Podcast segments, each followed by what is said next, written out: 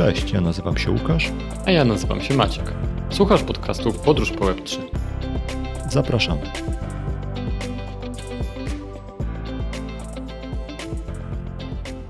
Cześć. Cześć. Cześć. Dzisiaj mamy znakomitego gościa. Jest z nami dzisiaj Bartek Bilicki, e, prezes e, Smartverum, startupu e, skupionego na NFT, a także założyciel Polish Blockchain Association. Także dzisiaj mamy w planach dowiedzieć się bardzo dużo o sferze NFT od praktyka. Cześć Bartku, miło Cię nam poznać. Cześć, witam wszystkich, którzy nas słuchają. Bartku, to może tak właśnie tytułem wstępu, jakbyś ja Cię trochę zapowiedziałem, a jakbyś przybliżył nam swoją sylwetkę. Kim jesteś, co robisz, ale też skąd pochodzisz, skąd przychodzisz, może tak? Ojej, nie wiem jak daleko mam sięgać, ale generalnie całe życie jestem związany z IT, więc myślę, że się dogadamy, bo macie podobny profil i podejrzewam, że słuchacze też raczej z tego świata pochodzą. Nigdy nic innego nie robiłem, jak właśnie jak tematy związane z, z szeroko pojętą informatyką i tak naprawdę internetem, bo bardzo szybko skoczyłem do wątków e, internetowych.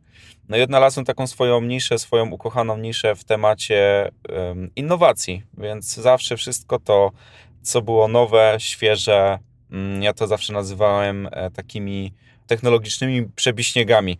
E, to wszystko mnie interesowało, pociągało i doprowadziło mnie tak naprawdę do świata blockchaina. Gdzieś tam w okolicach 2015 roku tak się złożyło, że mm, znaliśmy się wcześniej ze Szczepanem Bentynem, który, e, którego może, może kojarzycie z, tej, z tego community bitcoinowego w szczególności, ale też ogólnie kryptowalutowego. No i Szczepan gdzieś tam namawiał mnie na to, żebym kupił pierwsze kryptowaluty i tak się moja przygoda ze światem ogólnie Web3 rozpoczęła. Kupiłem pierwsze krypto, no i na własnej skórze, jak wielu z nas, e, odczułem, że to ma sens.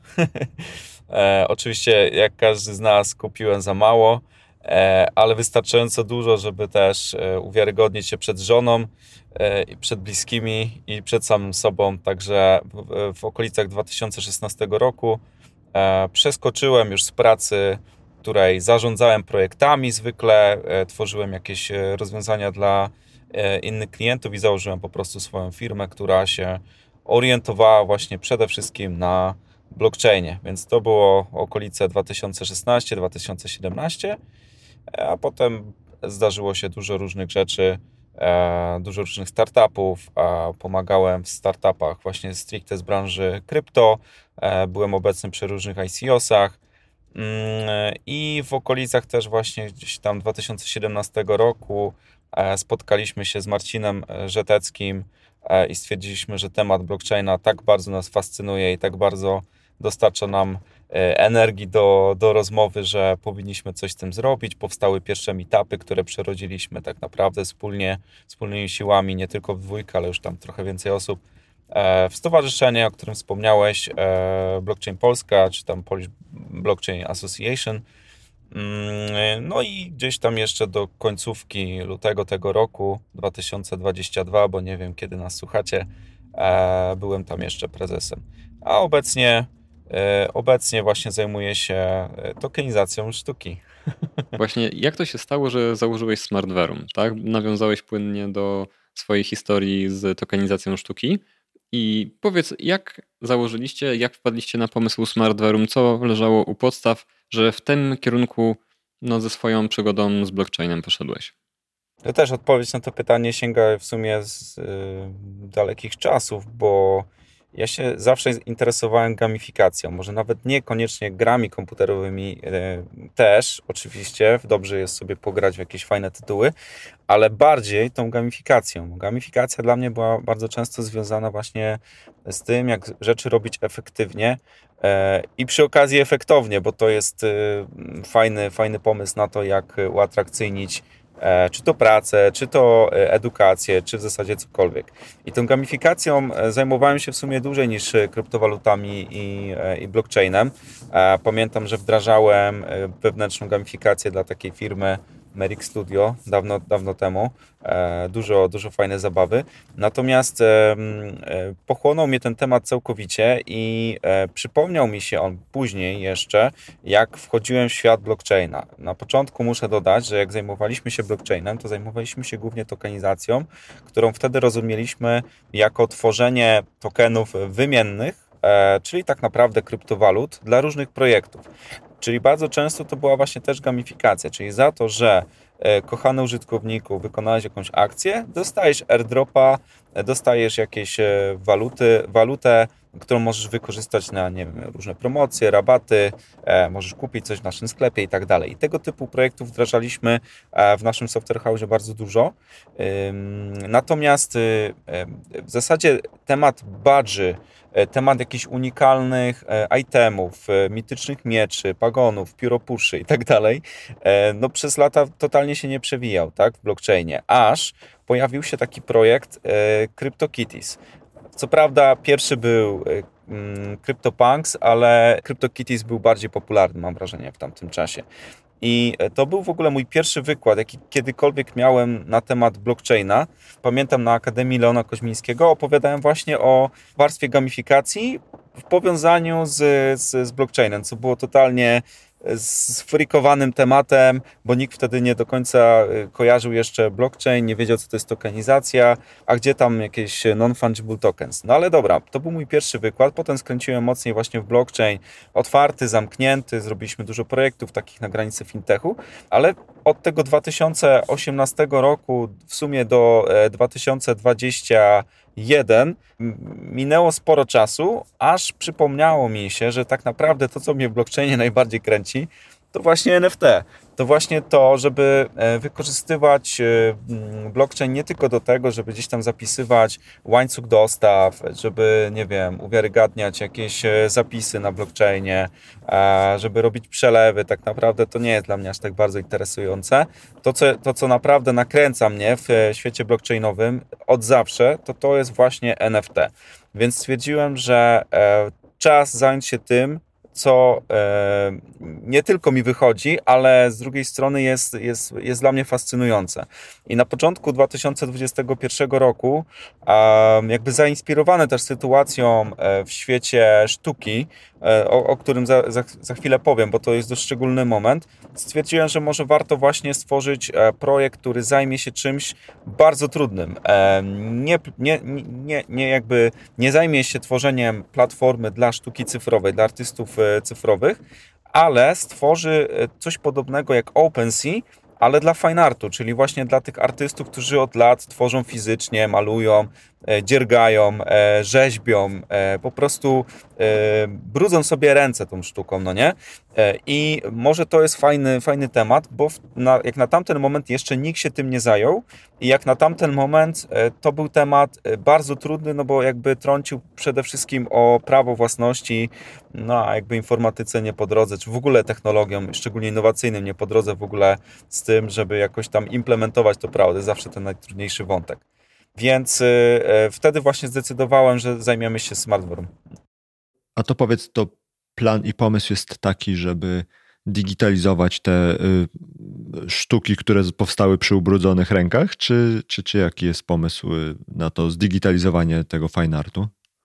Tak, dokładnie. Tutaj my jesteśmy takim pomostem między światem tradycyjnym, jeśli chodzi o sztukę. Tak, właśnie idealne jakby nawiązanie tego, czym się zajmujemy, to jest fine art. To jest najlepsza nazwa na to, czym się nazywamy, bo jeśli mówimy sztuka, to mamy sztuki wizualne, e, sztuki audiowizualne, tak, mamy sztuki cyfrowe i tak dalej, a my się zajmujemy tym, co jest właśnie przez lata było rozumiane jako sztuki e, wyższe, jako fine art. Zauważyliśmy, że w 2019 roku rynek e, sztuki, kapitalizacja rynku sztuki spadła o 20% w stosunku do zeszłego roku. Wiadomo dlaczego, tak? Bo jest pandemia e, i, i w tamtym momencie e, wpłynęło to bardzo na, na, na rynek sztuki, e, ponieważ e, muzea, galerie sztuki e, czy, czy domy aukcyjne nagle zauważyły, że kurczę, jakby no nie możemy już zapraszać ludzi tutaj na miejsce, musimy odnaleźć strategię cyfrową na to, co robimy do tej pory.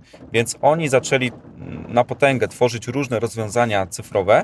E, no i jak to się zakończyło, zakończyło się to tak, że w 2020, 2021, a szczególnie w tym roku mamy rekordowy, e, rekordową wycenę w ogóle rynku sztuki.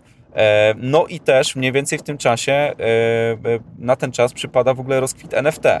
E, tak więc to wszystko jakby doprowadziło nas do myślenia, że y, okej, okay, mm, NFT rozpoczęło od śmiesznych obrazków, od kryptokotków, od collectibles, od gier, gamingu, od y, promocji, marketingu itd., tak ale to, e, co natywnie idealnie wpina się w, w ideę NFT. To są unikalne rzeczy, piękne rzeczy, e, które do tej pory były sprzedawane czy tam e, doświadczane pod wielkim parasolem właśnie fine artu. I zdecydowaliśmy właśnie w tą stronę pójść. Jeszcze drugi wątek też jest taki, że mój młodszy brat jest, e, jest artystą, sprzedawał swoje nadal sprzedaje swoje obrazy, między innymi też w Desie, więc w sumie największym polskim domu aukcyjnym, który ma tam ponad 50% rynku. Tak więc e, no, Rafał też mnie zainspirował w pewnym sensie, dostarczył mi takiego jakby insiderskiego know-how, jak ten świat e, sztuki wygląda. I trzecia jeszcze taka siła, która popchnęła mnie do tego wszystkiego, poza tym, że mieliśmy know-how techniczny i artystyczny, to też to, że wewnętrznie zawsze czułem się jakby zmotywowany do tego, żeby właśnie zajmować się cyfryzacją, innowacjami, żeby przeprowadzać transformację cyfrową, ale przez mniej więcej od roku 2018 do 2000, właśnie do początku 2021 ja byłem skupiony na innowacjach w przemyśle. I e, tam innowacje w przemyśle traktuje się jako coś w sumie jak element rozwoju, jakby element procesu jakby dostarczania wartości. To jest normalne, że w przemyśle jest innowacja, bo jak nie robisz innowacji, to przegrywasz. Tak? To jest cykl rozwoju organizacji. E, I innowacji nie traktuje się jako coś fajnego. E, więc szukałem jakiejś gałęzi która, która, która szukałem czegoś, szukałem takiego swojego miejsca, który jest totalnie jeszcze nie jest cyfryzowany. Właśnie ta innowacja nie została dostrzeżona. E, blockchain jeszcze się jakoś specjalnie nie rozwinął, a ma ogromny potencjał. No i okazało się, że tak, że właśnie fine art jest tym miejscem. Tam jest bardzo dużo do zrobienia. Ja się po prostu doskonale bawię, wymyślając e, różne kolejne, wiecie, tam e, inkarnacje pomysłów, które kręcą się wokół właśnie marketplace'u NFT, o czym pewnie jeszcze dzisiaj pogadamy, ale tak, to jest tylko fundament. To, co się dzieje dalej, to jest niesamowita zabawa. A powiedz proszę, y, kto jest odbiorcą? W sensie dla kogo jest Smartverum? Czy to jest bardziej dla artysty po to, żeby on mógł zdigitalizować swoje dzieło i miał jakby dodatkowo już jakiś taki aset, który może cyfrowo gdzieś pokazywać, czy bardziej dla muzeów, czy dla kolekcjonerów? Mhm. No to tak, y, Smartverum tak naprawdę jest ekosystemem, e, więc my od samego początku nie tworzymy jednego produktu. Oczywiście ja mówię o tym marketplace, on się nazywa Mintic, e, będzie startował już, już, już niebawem, jeszcze w kwietniu e, i on jest fundamentem, bez tego byśmy nic nie zrobili, bo my musimy przeprowadzić te dzieła fizyczne przez bramkę konwertującą do dzieł cyfrowych. No nie? Właśnie to jest ten proces e, tokenizacji. I teraz, e, jak już mamy te dzieła stokenizowane, to my... Musicie, musicie je onrampować. tak jest. E, więc jeśli mamy już te dzieła, to my możemy wiele rzeczy ciekawych z tym zrobić. Możemy na przykład sprzedać, możemy podzielić na fragmenty, możemy wynająć. Ja się śmieję, miałem ostatnio taki, ostatnio panel e, w Warszawie podczas FinTech and InsurTech e, Conference. E, bardzo fajna konferencja. Z ciekawymi osobami w ogóle w panelu, bo też między innymi wiceprezes banku PKO SA. I ja wtedy powiedziałem coś, co zburzyło takie mikrodyskusje na, na widowni. Powiedziałem, że w przyszłości sytuacja będzie wyglądała tak, że na przykład na oko Monalizy będziemy mogli sobie wziąć kredyt. I to oko, które jest totalnie jakby wirtualne, tak? Nie możemy dotknąć tego. I nagle wiadomo, tam części osobom e, wybuchła głowa na, e, na sali, ale taka jest prawda. My, my, my dotykamy zupełnie nowej materii, więc e, sam marketplace jest tylko fundamentem. My musimy jakby pozwolić artystom stworzyć NFT-ki z tego, co oni mają. To są wspaniałe NFT-ki. No, no, przecudowne. Wyobraźcie sobie, że zamiast, zamiast małp czy zamiast kryptopunków mamy profile pictures NFTs na Twitterze, które, nie wiem, namalował na przykład Leonardo da Vinci. No, myślę, że ta wartość tutaj, już pomijam użytkową, tak, bo to też możemy o tym porozmawiać, ale sama wartość wizualna byłaby też niesamowita. Więc jak pytasz, musiałem to powiedzieć, to wszystko, bo skoro pytasz odbiorców, to musimy spojrzeć, e, zrobić takie małe helicopter view i spojrzeć na to e, z, właśnie z wysoka, ponieważ my nie tworzymy naszego rozwiązania tylko i wyłącznie dla artystów. Nie jesteśmy takim klasycznym e, startupem Web3, który dostarcza jeden produkt i ten jeden produkt jest skrojony dla jednej grupy ściśle określonej. Nie, to, tak u nas nie jest. My tworzymy ekosystem, w którym jest kilka produktów, o to też mogę za chwilkę opowiedzieć, wszystkie są fascynujące i świecą mi się oczy, jak o nich opowiadam. Natomiast e, e, cała grupa Widać. naszych... tak, e, cała, cała grupa e, naszych odbiorców to jest tak naprawdę, możemy ich podzielić na, e, na, na, na pięć person. E, mamy artystów, mamy, mm, czyli tak naprawdę twórców, tak? Mamy pięć e, grup odbiorców, tak? E, mamy artystów, mamy mm, galerię, mówiąc ogólnie, bo to mogą być muzea, mogą to być e, domy aukcyjne. Mamy mm, inwestorów, takich klasycznych, kryptowalutowych, ale też takich, którzy po prostu, osoby, które są obliczone na zysk pozytywnie mówiąc, tak, chcą po prostu y, poważnie podchodzą do tematu, chcą zarobić e, na, na tym, co kupują, tak, i na przykład chcą kupić taki instrument finansowy, jakim jest e, ewidentnie NFT. E, dalej mamy osoby, które są kolekcjonerami. Kolekcjonerzy też mogą być inwestorami, ale kolekcjonerzy coś innego ich drive'uje. Drive'uje ich to, żeby posiadać piękne rzeczy, więc my ich rozróżniamy. E, w ramach każdych z tych grup, które wymieniłem, są jeszcze podgrupy. Na przykład, e, jeśli chodzi o kolekcjonerów, rozgraniczamy też osobno tak zwanych next gen collectors, to są e, bardzo często osoby młode, między 20 a 30, które już e, załapały o co chodzi w krypto, o co chodzi w NFT, e, ale nadal obracają się w fajnarcie, no i jakby tutaj to jest, to jest ich nisza. No i ostatnia grupa to jest, ja, ja to nazywam ja i ty, tak? czyli art lovers, osoby, które po prostu użytkowo chcą podejść do tego tematu, może nie mają ogromnej jakiejś wiedzy fajnartowej, ale na przykład chętnie by powiesili jakiś piękny obraz na swojej ścianie, tak? Albo w jakiś sposób by e, zonboardowali się do tego świata związanego z, ze sztuką w nowym rozumieniu, czyli tutaj e, zrobię mały spoiler, my to nazywamy Art 3.0, tak? Czyli połączenie tego fine artu z Web3. Tak więc grupy e, podzieliliśmy sobie na persony, podzieliliśmy sobie na pięć grup. Każda z tych grup dzieli się jeszcze dalej i to jest dopiero dla nas punkt wyjścia, do tego, żeby budować community, do tego, żeby e, budować kolejne produkty. Okej, okay. a to powiedz, bo to wszystko brzmi jakbyście mieli roadmapę na najbliższe dwie dekady i to tak upchaną pod korek. No trochę Jaki tak jest. jest pomysł i plan, i horyzont czasowy?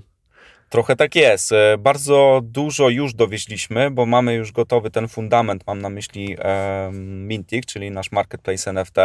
E, mamy już part partnerów ze świata sztuki. E, mam na myśli e, galerie, domy aukcyjne, ale też samych artystów. No i mamy poza, poza tym właśnie marketplace'em mamy jeszcze dwa produkty, które będziemy rozwijać i pierwsze prototypy też powstaną jeszcze, jeszcze w tym roku.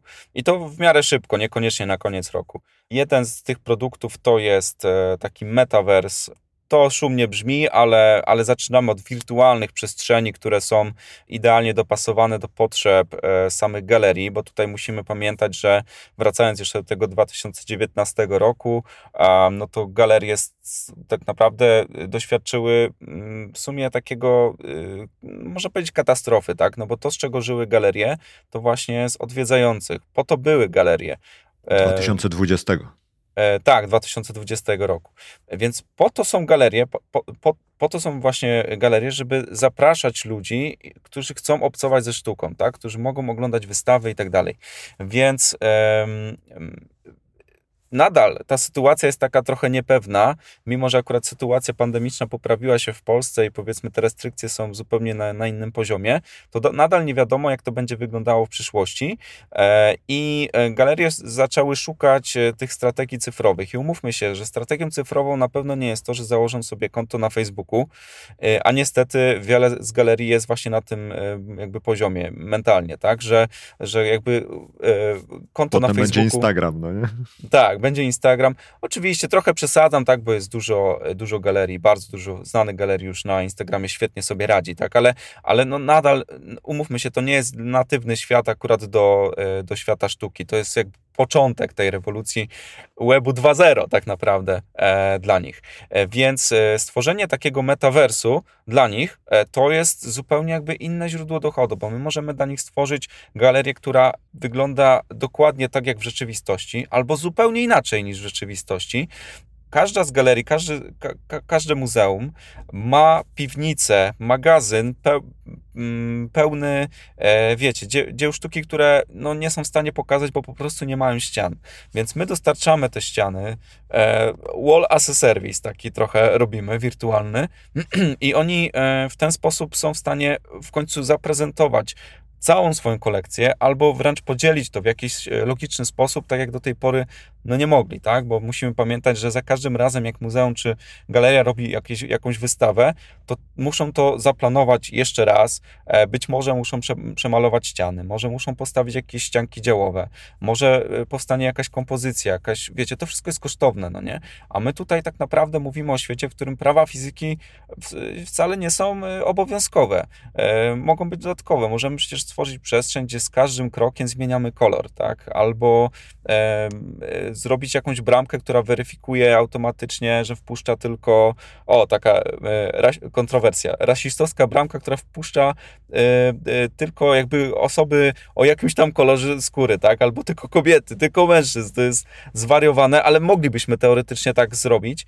E, I oczywiście tego nie zrobimy tutaj dla tych, którzy nie łapią jakby sarkazmu. E, więc, więc jakby E, technologia cyfrowa po, pozwala na masę nowych rzeczy, e, które, e, które dość łatwo się implementuje, tak? Wyobraźcie sobie też, że te całe mechanizmy typu to, co dzisiaj dostarcza Hotjar przykładowo, że możemy jakby zobaczyć, gdzie użytkownik skupiał swoją uwagę. To samo możemy zaimplementować przecież do obrazów, tak? Więc to jest niesamowity insight dla takiego artysty, który do tej pory tylko wiedział, że ileś tam osób przyszło na jego wystawę, a teraz wie na przykład, że e, to, co skupiło uwagę w jego obrazie, to jest akurat, nie wiem, czubek, e, wierzchołek głowy e, jakiegoś tam modela, którego, którego malował, tak? Albo, nie wiem, szczyt góry jakiejś tam. I to jest najciekawsze dla tych odbiorców, tak? A mu się wydawało, że jednak coś innego będzie istotne. Więc ten insight jest niesamowity. Możliwości przecudowne. Do tego dodajemy warstwę, wiecie, gamifikacji opartą właśnie o, na naszym tokenie, czy na, też na tokenach NFT, więc e, znowuż obowiązuje zasady dość podobne jak w świecie rzeczywistym, że są wystawy, które są e, jakby biletowane, są takie, które wejście jest za darmo, są takie, które no trzeba jakby obiecać ludziom, że będzie będzie catering, będzie pizza, będzie, będą cold drinki, e, a może będzie poncz i dopiero wtedy przychodzą. Więc tak samo tutaj. E, tworzymy taką warstwę gamifikacji, że e, są galerie, e, które powiedzmy wystawiają dzieła, które w naturalny sposób e, jakby zachęcą ludzi, żeby to odwiedzili, ale być może będą też galerie, które e, będą wybierały taką opcję, że każdy, kto wejdzie do takiej, takiej przestrzeni, E, będzie musiał za to zapłacić, albo wręcz otrzyma e, gratyfikację za to, że e, zobaczy jeden z, z obrazów, który na przykład schowany jest gdzieś tam na samym końcu, więc te możliwości są tutaj, czerpiemy pełnymi garściami ze świata gier, tak? Więc to jest ten drugi produkt, Metaverse. okej, okay, jakby dużo mamy wspólnych też mianowników z Decentralandem czy z Sandboxem. Oczywiście nie chcemy konkurować, bo to są ogromne światy. My po prostu e, tworzymy odpowiednio, wykładamy odpowiednio gruby czerwony dywan do świata sztuki, rozmawiamy z nimi, e, pozwalamy im się zonboardować i dzięki temu właśnie zyskujemy taką przewagę. Więc e, jakby Sandbox czy, e, czy właśnie Decentraland no nie do końca jest taką odpowiedzią w 100% do, do, do świata galerii, do muzeów. I ostatni produkt e, to jest, y, y, to jest coś, co mi się w sumie przyśniło, więc to jest niesamowita historia, ale po kilku miesiącach w ogóle pracy nad Smartverum um, przyśnił mi się sen e, takiej e, reklamy produktu fizycznego. Ja się zawsze zajmowałem, przez całe życie zajmowałem się produktami cyfrowymi, ale to, to a tu się mi przyśnił produkt fizyczny, mianowicie ekran, który wyświetla NFT-ki. To jest ekran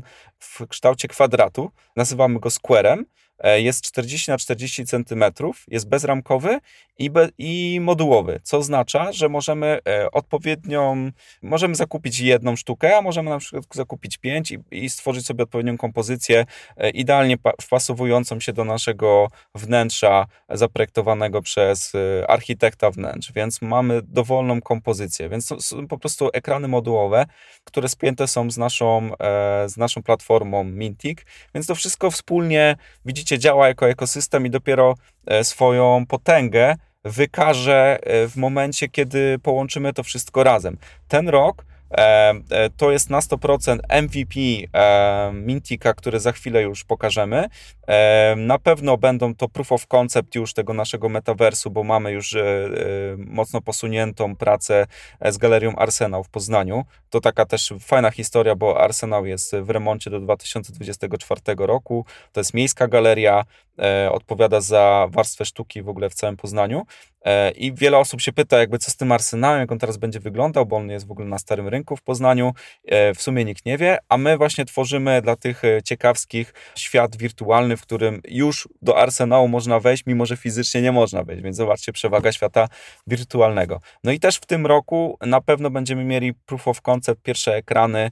Myślę, że jeszcze w Q3 no ale zobaczymy. Także ja na pewno e, no nie mogę się doczekać tego momentu, kiedy e, powiesimy pierwsze skwery na ścianie. Nie wiem, czy te pierwsze skwery już będą w takim, na, na takim full wypasie, że e, będą i bezramkowe, i, i modułowe, ale no na pewno będą spięte już z naszą platformą, więc do tego dążymy. No to powiedz, czy dobrze sobie wyobrażam, że te skwery będą tak funkcjonowały, że jeżeli ja go kupię, to go sobie konfiguruję na przykład przez, nie wiem, przez telefon albo na laptopie i spinam go z moim walletem i sobie, nie wiem, przez aplikację waszą na przykład wybieram, co chcę na nim wyświetlić i potem sobie wieszam mi tam gdzieś kabelek do zasilania i to wyświetla moją sztukę? Tak, no dokładnie tak to wygląda. Wyobraź sobie, że ja wiem, że y, jakby nasi słuchacze nas nie widzą, ale ja w tym momencie trzymam swój telefon i wyobraź sobie, że gestem przeciągania wysyłam e, obrazy na ścianę, ponieważ jest to spięte już z moim telefonem, więc po prostu wysyłam e, z, z naszej aplikacji obrazy, które w zasadzie natychmiastowo zmieniają się na naszej ścianie.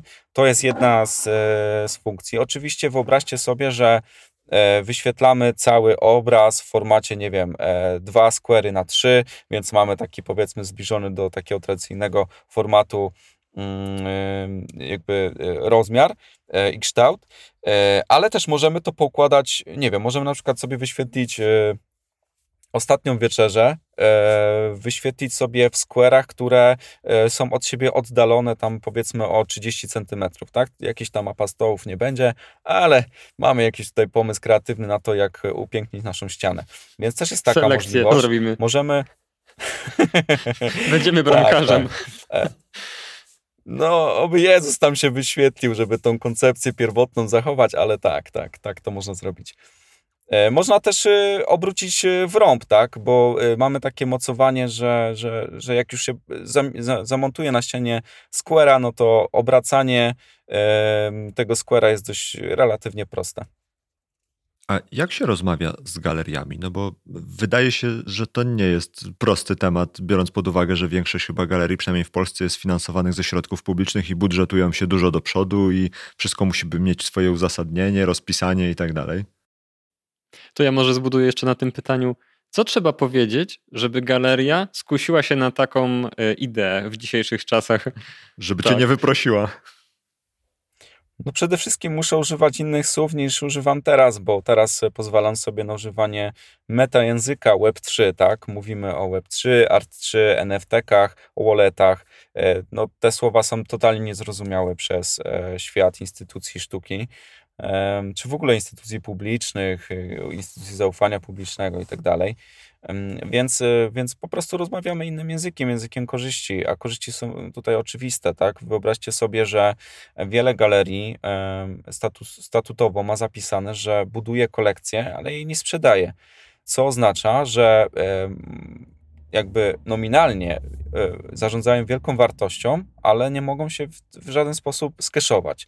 Więc e, to, co pozwalamy im e, zrobić, czy wręcz jak pozwalamy zarobić, to, to, jest, to jest taki kierunek, że pozwalamy na przykład scyfryzować i stokenizować jakieś dzieło sztuki, które posiadają i odwiązać tą wartość, tak? bo strategii na tokenizację jest kilkadziesiąt, e, ale to jest jedna z takich, od których zaczynamy. Wyobraźcie sobie, nie wiem, dzieło e, Słoneczniki Van Gogha i teraz e, e, możemy oczywiście stokenizować to w taki sposób, że tworzymy e, cyfrowy certyfikat własności, czyli masz token, to masz też dzieło fizyczne, ale to jest tylko jedna z wielu strategii. Inna strategia jest taka, że tokenizujemy dzieło, a potem niszczymy dzieło raczej w tą stronę nie idziemy, ale takie, takie rzeczy się zdarzają, takie strategie się zdarzają. Lub też dzieło istniało kiedyś, są zdjęcia, ale już nie ma tego obiektu dzisiaj, więc jedyne co możemy zrobić to token NFT. I tak właśnie DESA zrobiła pierwszą tokenizację. Więc są takie różne strategie, a my idziemy w strategię, która została już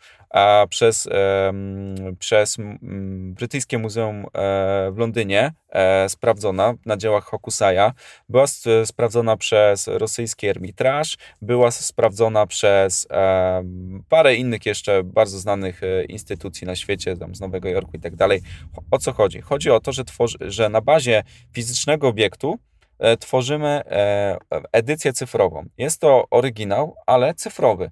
Dlaczego oryginał? Ponieważ potwierdza to jakaś renomowana instytucja, e, zgadza się na to, żeby to tokenizować i robi to tylko raz. Potwierdza, że będzie to tylko jednorazowy event akurat z tym dziełem. I odwiązujemy po, połączenie własności pomiędzy fizycznym obiektem a cyfrowym, więc od tego momentu mamy już dwa obiekty.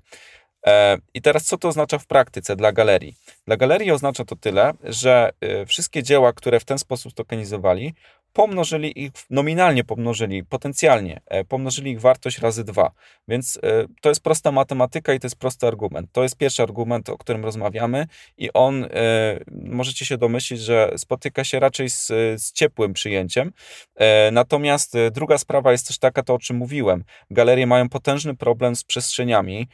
Młodym artystom się wydaje, że jeśli przyniosą do na przykład, nie wiem, do, do Zachęty, do Warszawy swój, swój obraz, swój pierwszy obraz, E, to potem e, e, taka, taka, takie muzeum będzie mogło przyjąć taka galeria będzie mogła przyjąć, wiecie, ten obraz, a oni będą mogli wszędzie powiedzieć, że no, swoje dzieła wystawiali na przykład zachęcie, więc są super artystami. To tylko w teorii tak działa, bo muzea i galerie renomowane nie przyjmują takich prac, ponieważ nie mają miejsca.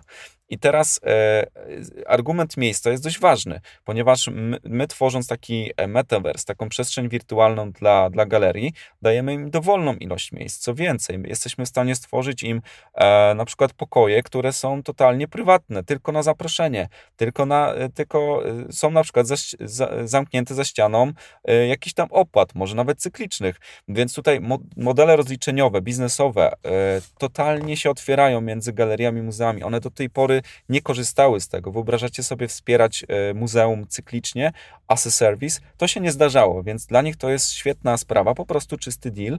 A dodatkowo, dzięki temu, że są wirtualnie ich prace wyświetlane, to jeszcze mogą zyskiwać międzynarodowe audytorium. Więc to, że prace na przykład właśnie takiego Hokusaya, o którym mówiłem, czyli najbardziej znanego artysty, który robił um, drzeworyty z Japonii, dla nas są egzotyką, bo on jest z Japonii, to tak samo prace polskie są egzotyką dla, dla ludzi z Azji Wschodniej, więc y, o to też tu chodzi, żeby ten rynek trochę trochę w nim namieszać, powymieniać się e, i wzajemnie zainspirować. Dlatego to są te argumenty, które, e, wiecie, to nie są argumenty jakieś wymuszone, one po prostu e, odpowiadają na potrzeby. Wasza technologia była w stanie w ogóle rozruszać taką galerię, uwolnić potencjał, który jest zmagazynowany w nomen omen magazynach i w piwnicach, ale zastanawiam się nad potencjalnymi jakimiś negatywnymi y, skutkami, czy jakimiś negatywnymi, czy krytycznymi argumentami, bo myślę sobie o tym, że jak Louvre y, się zwiedza, w sumie można wziąć urlop i żeby zwiedzić Louvre, no on jest duży powiedzmy, tak, czy zbiory watykańskie, no to jeżeli na przykład taka instytucja uwolniłaby swoje dzieła, które są po prostu zamrożone powiedzmy teraz, to podaż sztuki jest olbrzymia po prostu. I teraz zastanawiam się, być może mm, szukam dziury w całym, ale w, w NFTs, no, w, no jakby u, u fun, fun, fundamentem NFT jest to, że to jest rzadkie, jednorazowe, powiedzmy tak w, zasadzie, nie? Że NFT dlatego jest wartościowe, dane, bo jest unikatowe, jest jedno pojedyncze. Oczywiście można je dzielić na udziały i tak dalej, ale co do zasady jest jedno. I teraz jeżeli taka galeria uwolni taki zasób olbrzymi, no to takiego potencjalnego użytkownika to może zalać. I zamiast tydzień na Louvre będzie brał rok na Louvre e, na zwiedzanie. I o co mi chodzi? Czy słyszysz takie głosy, albo czy to jest w ogóle problem, że ta olbrzymia podaż spowoduje, że atrakcyjność zwiedzania będzie niższa na przykład? To jest właśnie to, dlaczego my zdecydowaliśmy się działać w modelu nie do końca Web3, e, tylko w takim modelu Web 2,5. E, tak, ja to, tak to nazywam i wydaje mi się, że to jest mądre na tym etapie, ponieważ e, cały świat Web3, ludziom się wydaje, że to jest tylko technologia. Nie, to nieprawda, to jest filozofia, to jest e, mm, to jest sposób myślenia, to jest strona, w którą rozwija się ludzkość. I za kilka lat będzie tak, że nie będzie do końca firm, nie będzie jakiejś organizacji, tylko będą nieformalne communities. Oczywiście firmy będą istnieć, y, organizacje też, ale jakby większość osób mm, y, będzie łapało tą ideę, że możemy po prostu zrobić sobie community taki w ramach tego dzięki smart kontraktom na przykład w jakiś sposób zarobić anonimowo. E, więc w tą stronę idzie świat. E, wiele projektów decyduje się na to, żeby usuwać pośredników. W zasadzie też o to chodzi w blockchainie. O to chodzi w Bitcoinie, żebyś to ty był bankiem, a nie miał konto w banku, gdzie e, przed tobą pierwszeństwo będzie miał zawsze ZUS, Urząd Skarbowy, Urząd Ochrony Praw Konsumenta i tak dalej, sam bank, a dopiero jak z wszystkimi powiedzmy żyjesz przyjaźnie, to dopiero na końcu ty możesz sobie wypłacić środki. Więc e, przekładając to na świat sztuki, w zasadzie, idąc tą filozofią, to powinniśmy skupić się tylko i wyłącznie na artystach i wyciąć galerię, wyciąć muzea, wyciąć e, domy aukcyjne i stać się takim jedynym e, marketplacem uberyzować tak naprawdę ten rynek. Natomiast jest pewien problem, ponieważ e, galerie są potrzebne, tak uważam, są wręcz niezbędne z różnych przyczyn. Między innymi dlatego, że to one przez lata budowały renomę tych, tych, tych prac. To one przez lata atrybuowały, weryfikowały, pomagały w ogóle artystom się rozpromować. I to one tak naprawdę stanowią o know-how całej tej branży. Więc w stronę, w którą my poszliśmy, filozofię, którą my przyjęliśmy, to właśnie ja nazywam Web 2,5, bo czerpiemy bardzo dużo ze świata Web 3, pełnymi garściami e, implementujemy technologię, ale zapraszamy galerię, więc nasza, e, nasz Mintik E, czy w ogóle cały ekosystem jest galeriocentryczny. Dlaczego? Dlatego, że galeria e, nauczyliśmy się, że potrafi dobrze żyć e, z artystami. I onboardując galerię do naszej platformy, onboardujemy tak naprawdę wartość, onboardujemy renomę i onboardujemy uznanie w, w świecie sztuki we, we właściwych sferach. Więc oczywiście domyślacie się, że z każdą galerią przychodzi od razu kilkunastu, kilkudziesięciu artystów. Każdy artysta to jest od razu kilka, kilkanaście, kilkadziesiąt dzieł. Więc dla nas to jest bardzo dobry model na to, żeby ten świat sztuki po prostu cyfryzować, a nie żeby budować go od e, początku. Bo musimy pamiętać też o tym, że e, OpenSea, Rarible, Rarart e, czy Foundation, cokolwiek innego, buduje trochę inny świat. Oni skupili się na artystach cyfrowych i super, bo artyści cyfrowi przez lata byli niedoceniani przez e, świat sztuki. Artysta cyfrowy stworzył coś równie pięknego, co artysta e, ten tradycyjny, malarz, który po prostu maluje pędzlem i tak dalej. Artysta cyfrowy po prostu ma inne narzędzia. Używa Photoshopa, Illustratora, e, czy Desmaxa i tak dalej, ale też tworzy piękne rzeczy i też ma super skilla. Natomiast przez lata nie mógł tego sprzedać, więc nie był poważnie traktowany przez świat fine artu. I teraz e, sytuacja wygląda tak, że wszystkie te renomowane e, marketplace'y na świecie skupiają się przede wszystkim na artystach cyfrowych, bo tak jest prościej bo nie ma właśnie tego e, fizycznego odpowiednika, nie ma tego obiektu, który mógłby się zgubić, skruszeć, który mógłby zostać zniszczony, zostać yy, skradziony. Co wtedy, tak? Jak na to mamy odpowiedzieć? I tu właśnie jest cała warstwa prawa własności, które e, implementowaliśmy i to w niełatwych warunkach, bo nasza spółka jest zarejestrowana w Polsce. E, w Polsce mamy dość trudny, e, dość skomplikowane rozumienie prawa własności. Tak trochę ja się śmieję, czasem cytuję Franka Sinatra, że jak uda nam się tu, co się uda wszędzie, bo e, prawo własności na przykład w Azji Wschodniej jest o wiele prostsze niż, niż w Polsce, e, a tam też zmierzamy, więc jak uda nam się już zrobić to wszystko w Polsce, tak w 100% byśmy chcieli, to, e, to zrobimy, to, to, to, to dalsze kroki będą prostsze, więc wracając do głównego wątku, to galerie będą wyznaczały kierunek i tak naprawdę my nie wychodzimy przed szereg i nie robimy czegoś takiego, że teraz zaprosimy wszystkie galerie i onboardujemy wszystkich artystów i y, od razu stokanizujemy wszystkie dzieła. To byłoby rzeczywiście niewłaściwe. E, nadal y, polegamy na tym, żeby to oni podejmowali decyzje, co będzie najlepsze, tak? Bo są artyści, którzy już umarli, e, to jest sztuka dawna, e, niesamowita. Oczywiście kręci nas to niesamowicie, ale y, oni nie mogą się wypowiedzieć. Leonardo da Vinci, Vincent van Gogh, Claude Monet, oni nie są w stanie się wypowiedzieć, czy E, jakby tokenizacja ich dzieł e, była zgodna z zamierzeniami. No trudno powiedzieć, ale jest cała rzesza nowych artystów, którzy wręcz mogą stworzyć prace, e, które są dedykowane pod NFT. Tworzą już w kwadracie, tworzą w oparciu o nowe modele, tak? Tworzą, współpracują ze sobą. Wiecie, dzisiaj NFT to jest obrazek, tak? Skracając. E, ale w przyszłości e, NFT o wiele bardziej się rozwinie. Będziemy doświadczali na przykład tokenów, które e, są stworzone w sposób kolaboracyjny, tak, że na przykład jeden artysta stworzył tło, drugi stworzył jakieś tam koniki, trzeci jakiś tam słoneczko namalował, nie? I to razem tworzy taką wirtualną, stokenizowaną synergię. To jest przyszłość. To jest jeden z wielu w ogóle wzorców projektowych, jak rozmawiam z programistami, ludźmi od IT, to jest jeden z wzorców projektowych, które będziemy wymyślać, będziemy e, odkrywać e, w przyszłości w tokenizacji. Więc to, co dzisiaj mamy, to jest w ogóle jakieś, wiecie, jakieś preludium dopiero. Takie, jakby pierwsza nuta została zagrana.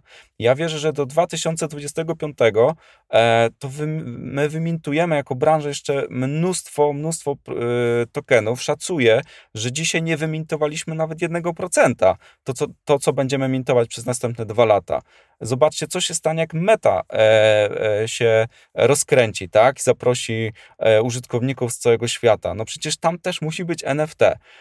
Wszelkie galerie odkrywają, to jest potężny, wiecie, pieniądz, potencjał. Artyści się obudzili. Jeszcze jedna, jedna rzecz, która mnie zainspirowała do tego, żeby zajmować się sztuką. Zobaczcie, że wszelkie przewidywania mówią o tym, że cały świat się robotyzuje, automatyzuje. I jedyna działalność, która tak naprawdę jest ciężka do podrobienia, a nawet jeśli jest podrabiana, to jest wtedy odbierana nieautentycznie, to właśnie sztuka, muzyka, działania artystyczne. Człowiek jest kreatywny i właśnie y, to jest w nim piękne, że może tworzyć różne rzeczy, nie? Właśnie ta, ta, ta, ta sprawczość. Więc tutaj e, my, jakby automatyzacja, robotyzacja będzie wycinała coraz więcej gałęzi e, gospodarki e, i ci ludzie będą musieli znajdować jakiś e, sposób zarobkowania, więc znowuż ta sztuka będzie coraz bardziej się rozprzestrzeniać i to będzie po prostu coraz bardziej popularny zawód. Bartku, trochę wspomniałeś o części takiej finansowej, o tym, mm, że w sztuce już jest ulokowany kapitał. A jak to wygląda u Was? Jaki model biznesowy ma Smartverum i jak Wy chcecie wygenerować dochód, no bo nie przychód, ale dochód powiedzmy, jak to, jak, jak chcecie to spiąć do kupy wszystko? Okej, okay, no to mamy trzy tak naprawdę kanały, główne kanały e, zarobkowania. E, one się pokrywają z tymi produktami, które wytwarzamy, czyli Marketplace NFT, Metaverse i, e, i Square. No i w przypadku Mintika, no to zarabiamy w taki sposób, że onboardując galerię do naszego marketplace'u, e, pozwalamy im na to, żeby się stokenizować, no i sprzedając e, te dzieła, no to też zarabiamy z prowizji, tak? Oni też zarabiają oczywiście, artysta zarabia, no i zarabia docelowo też osoba, która kupi e, takie dzieło, bo też pamiętajmy, że dzieło można sprzedać, a też można wynająć, więc tutaj te modele są dość różnorodne. Natomiast w przypadku e, metaversu, no to e, uznaliśmy, że będziemy zarabiali w taki sposób, że będziemy e, pomagali w tworzeniu właśnie tych wirtualnych galerii, bo bardzo często one będą takie customowe. Oczywiście galeria też może sama stworzyć swoją przestrzeń, ale jeśli będzie chciała naszej pomocy, to tutaj pomożemy. I w przypadku, kiedy tworzy sama, to też musi jakby kupić budulec do tego, więc naszym jakby natywnym budulcem jest po prostu nasza kryptowaluta, nasz, nasz token, e, który się nazywa ART. E, I, i tutaj na tym zarabiamy, więc, więc to, jest, e, to jest ten świat. A w przypadku Square'ów, no to to są po prostu produkty, które można kupić. Można kupić jeden, można kupić kilka. To też nawiązuje w ogóle do całej tokenomii, bo to jest jedyny sposób na to, żeby w ogóle stakeować nasz token. Musisz mieć nasz ekran. Nie ma innego sposobu na to, żeby stakeować tokeny ART jedynie możesz e, kupić ekrany, no i im więcej kupisz ekranów, tym powiedzmy ta e, promocja jest coraz, e, coraz lepsza, więc ten mechanizm jest taki nowatorski, innowacyjny, nie, nie, nie spotkałem się z czymś takim jeszcze, no bo też umówmy się, bardzo mało startupów w ogóle robi produkty fizyczne nie? w świecie, świecie krypto. Tak więc to jest głównie to. Oczywiście mamy, mamy parę jeszcze innych wątków, które spinają się w całość, no bo no bo chociażby załóżmy, no nie wiem, galeria będzie chciała e, wynająć całą ścianę, zrobić całą ścianę w square'ach, no to trzeba to zamontować, więc tu są kolejne jakieś tam e, wątki do monetyzacji. Natomiast te trzy główne i przede wszystkim z naciskiem właśnie na sprzedaż samych dzieł sztuki, na obrót tymi e, dziełami sztuki, to jest to, na czym, na czym będziemy zarabiać. Powiedz proszę, jak Twoim zdaniem będzie wyglądał świat krypto powiedzmy za 2-3 lata? Tak? Nie musi to być koniecznie temat związany z NFT. W którą stronę to pójdzie? Może w ten sposób. Jaki scenariusz widzisz w swojej szkolonej kuli? No jestem akurat optymistą, jeśli chodzi o krypto. To widać, e, widać dwie siły tak naprawdę. Jedna siła e, każe to w, cały świat krypto regulować i to się rzeczywiście dzieje. Coraz więcej widzimy instytucji idzie w stronę CBDC. Mm, natomiast e, z punktu widzenia takiego insidera widzę, że też e, firmy, fintechy, banki, które jeszcze e, do niedawna były zwolennikami tych zamkniętych blockchainów, tak zwanych permission blockchains typu Hyperledger, Hyperledger Fabric, Fabric, to te firmy, te instytucje coraz bardziej się otwierają jednak na hybrydowe rozwiązania, nawet na otwarte. I tutaj mam na, na myśli nawet IBM który przez lata w zasadzie lobbował głównie te rozwiązania prywatne, zamknięte. Więc e, raczej świat idzie w stronę, w mojej opinii, otwartych rozwiązań, ale Oczywiście związane jest to z kontrolą, więc zawsze te regulacje będą tutaj wchodzić. Też regulacje wcale nie muszą być złe, bo regulacje e, koniec końców mają być po to, żebyśmy mieli zabezpieczone swoje interesy, więc e, pewnie te dwa światy będą się w jakiś sposób przepychać, no i wypadkowa e, tych przepychanek, no to to jest to, co zobaczymy w przyszłości. Ale raczej jestem spokojny o krypto. Widać e, w, we wszystkich sytuacjach kryzysowych, że krypto raczej się przydaje. Zobaczcie w pandemii, nie, nie trzeba e, e, przewozić pewnych rzeczy, wystarczy wykorzystać blockchain, żeby w sposób zaufany e, transportować e, wartość. E, w, w przypadku konfliktu zbrojnego na Ukrainie, no to w zasadzie i Ukrainie, i Rosjanom przydał się blockchain, przydało się krypto, bo nagle się okazało, że można ominąć sankcje, czy w ogóle można ominąć to, że banki przestały działać w niektórych miejscach. Ministerstwo, Ministerstwo Transformacji Cyfrowej na Ukrainie też uruchomiło swoje konta, na które można po prostu przełać kryptowaluty, ale też tokeny. Więc raczej jestem spokojny o przyszłość kryptowalut. Na pewno urosną, w mojej opinii.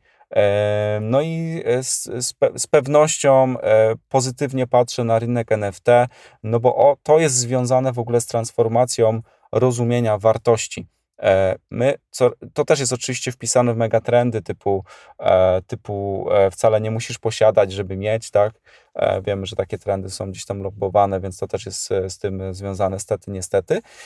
Ale prawda jest też taka, że dorasta cała armia osób, które wychowały się już w świecie wirtualnym, wychowały się grając w jakieś wirtualne tytuły, w Minecrafcie, tworząc różne e, konstrukcje, tak, i jeszcze dobrze nie mówili, a już nagrywali e, podcasty, czy tam tworzyli na YouTubie jakieś vlogi.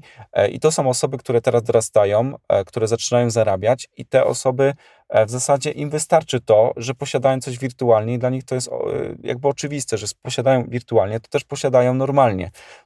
To jest dla nich tożsame, więc ten wątek będzie się na pewno rozwijał i w związku z tym NFT będzie się umacniało.